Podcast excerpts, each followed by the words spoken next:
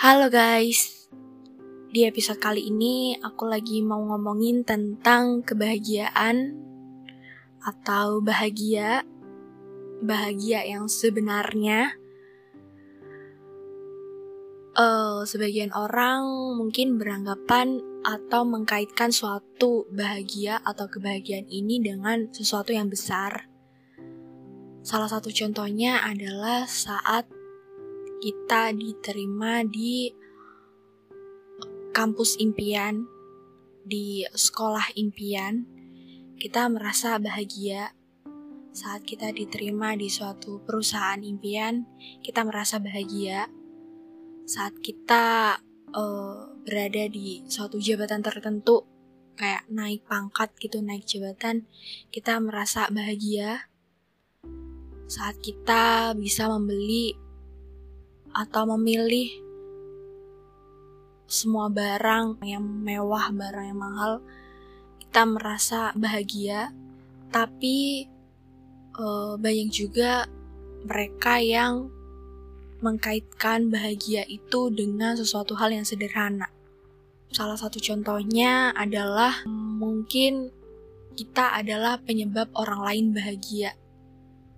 Mungkin kita adalah penyebab orang lain ketawa yang mengakibatkan mereka nyaman deket dengan kita. Misalkan nih, ada satu atau dua orang yang merasa sedih, kayak kok hidup gue gini-gini banget ya.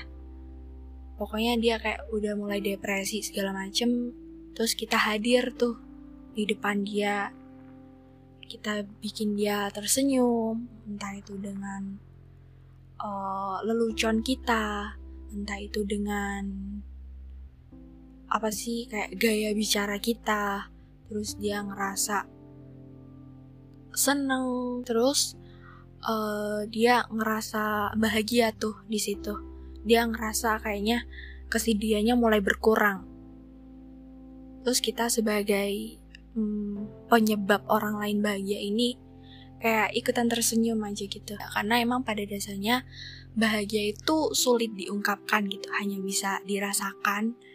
Kayak apa ya hati, itu kayak jadi adem saat kita emang bener-bener bahagia saat itu.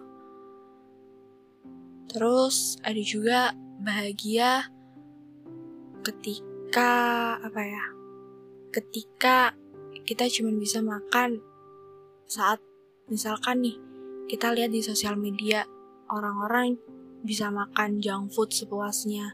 Orang-orang bisa makan uh, di restoran-restoran mewah.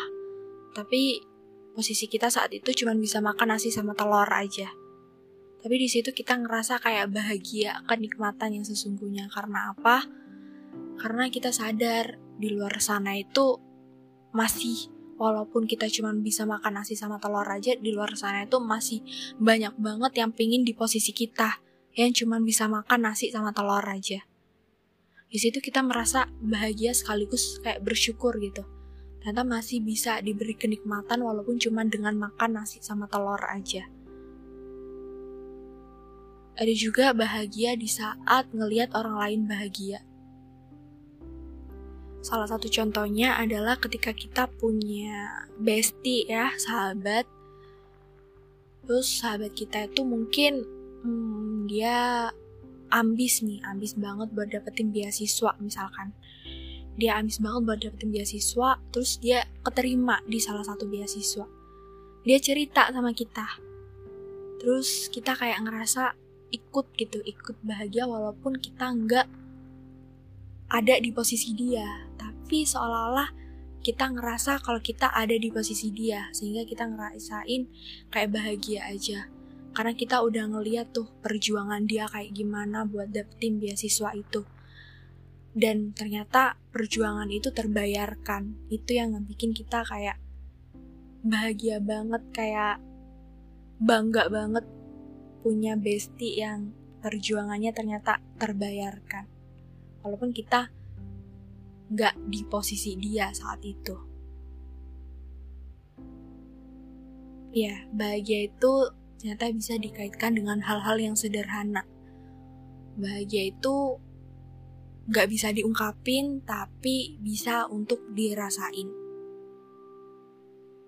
Ini sebenarnya agak random sih. Apa ya? Random aja gitu kan ceritanya. Semoga episode kali ini bisa apa ya? Bisa lebih mengingatkan kita lagi, lebih membuat kita jauh lebih bersyukur lagi dengan hal-hal yang ada di sekitar kita saat ini yang udah ada di depan mata. Karena bahagia itu kita yang ciptain lewat hal-hal yang sederhana sebenarnya. Oke okay guys, segitu dulu episode kali ini. Semoga bisa uh, menghibur kalian. Gak menghibur sih, kayak semoga bisa uh, apa ya mengingatkan satu sama lain, mengingatkan aku sendiri dan mengingatkan kalian. Oke, sampai jumpa di episode selanjutnya. Dadah.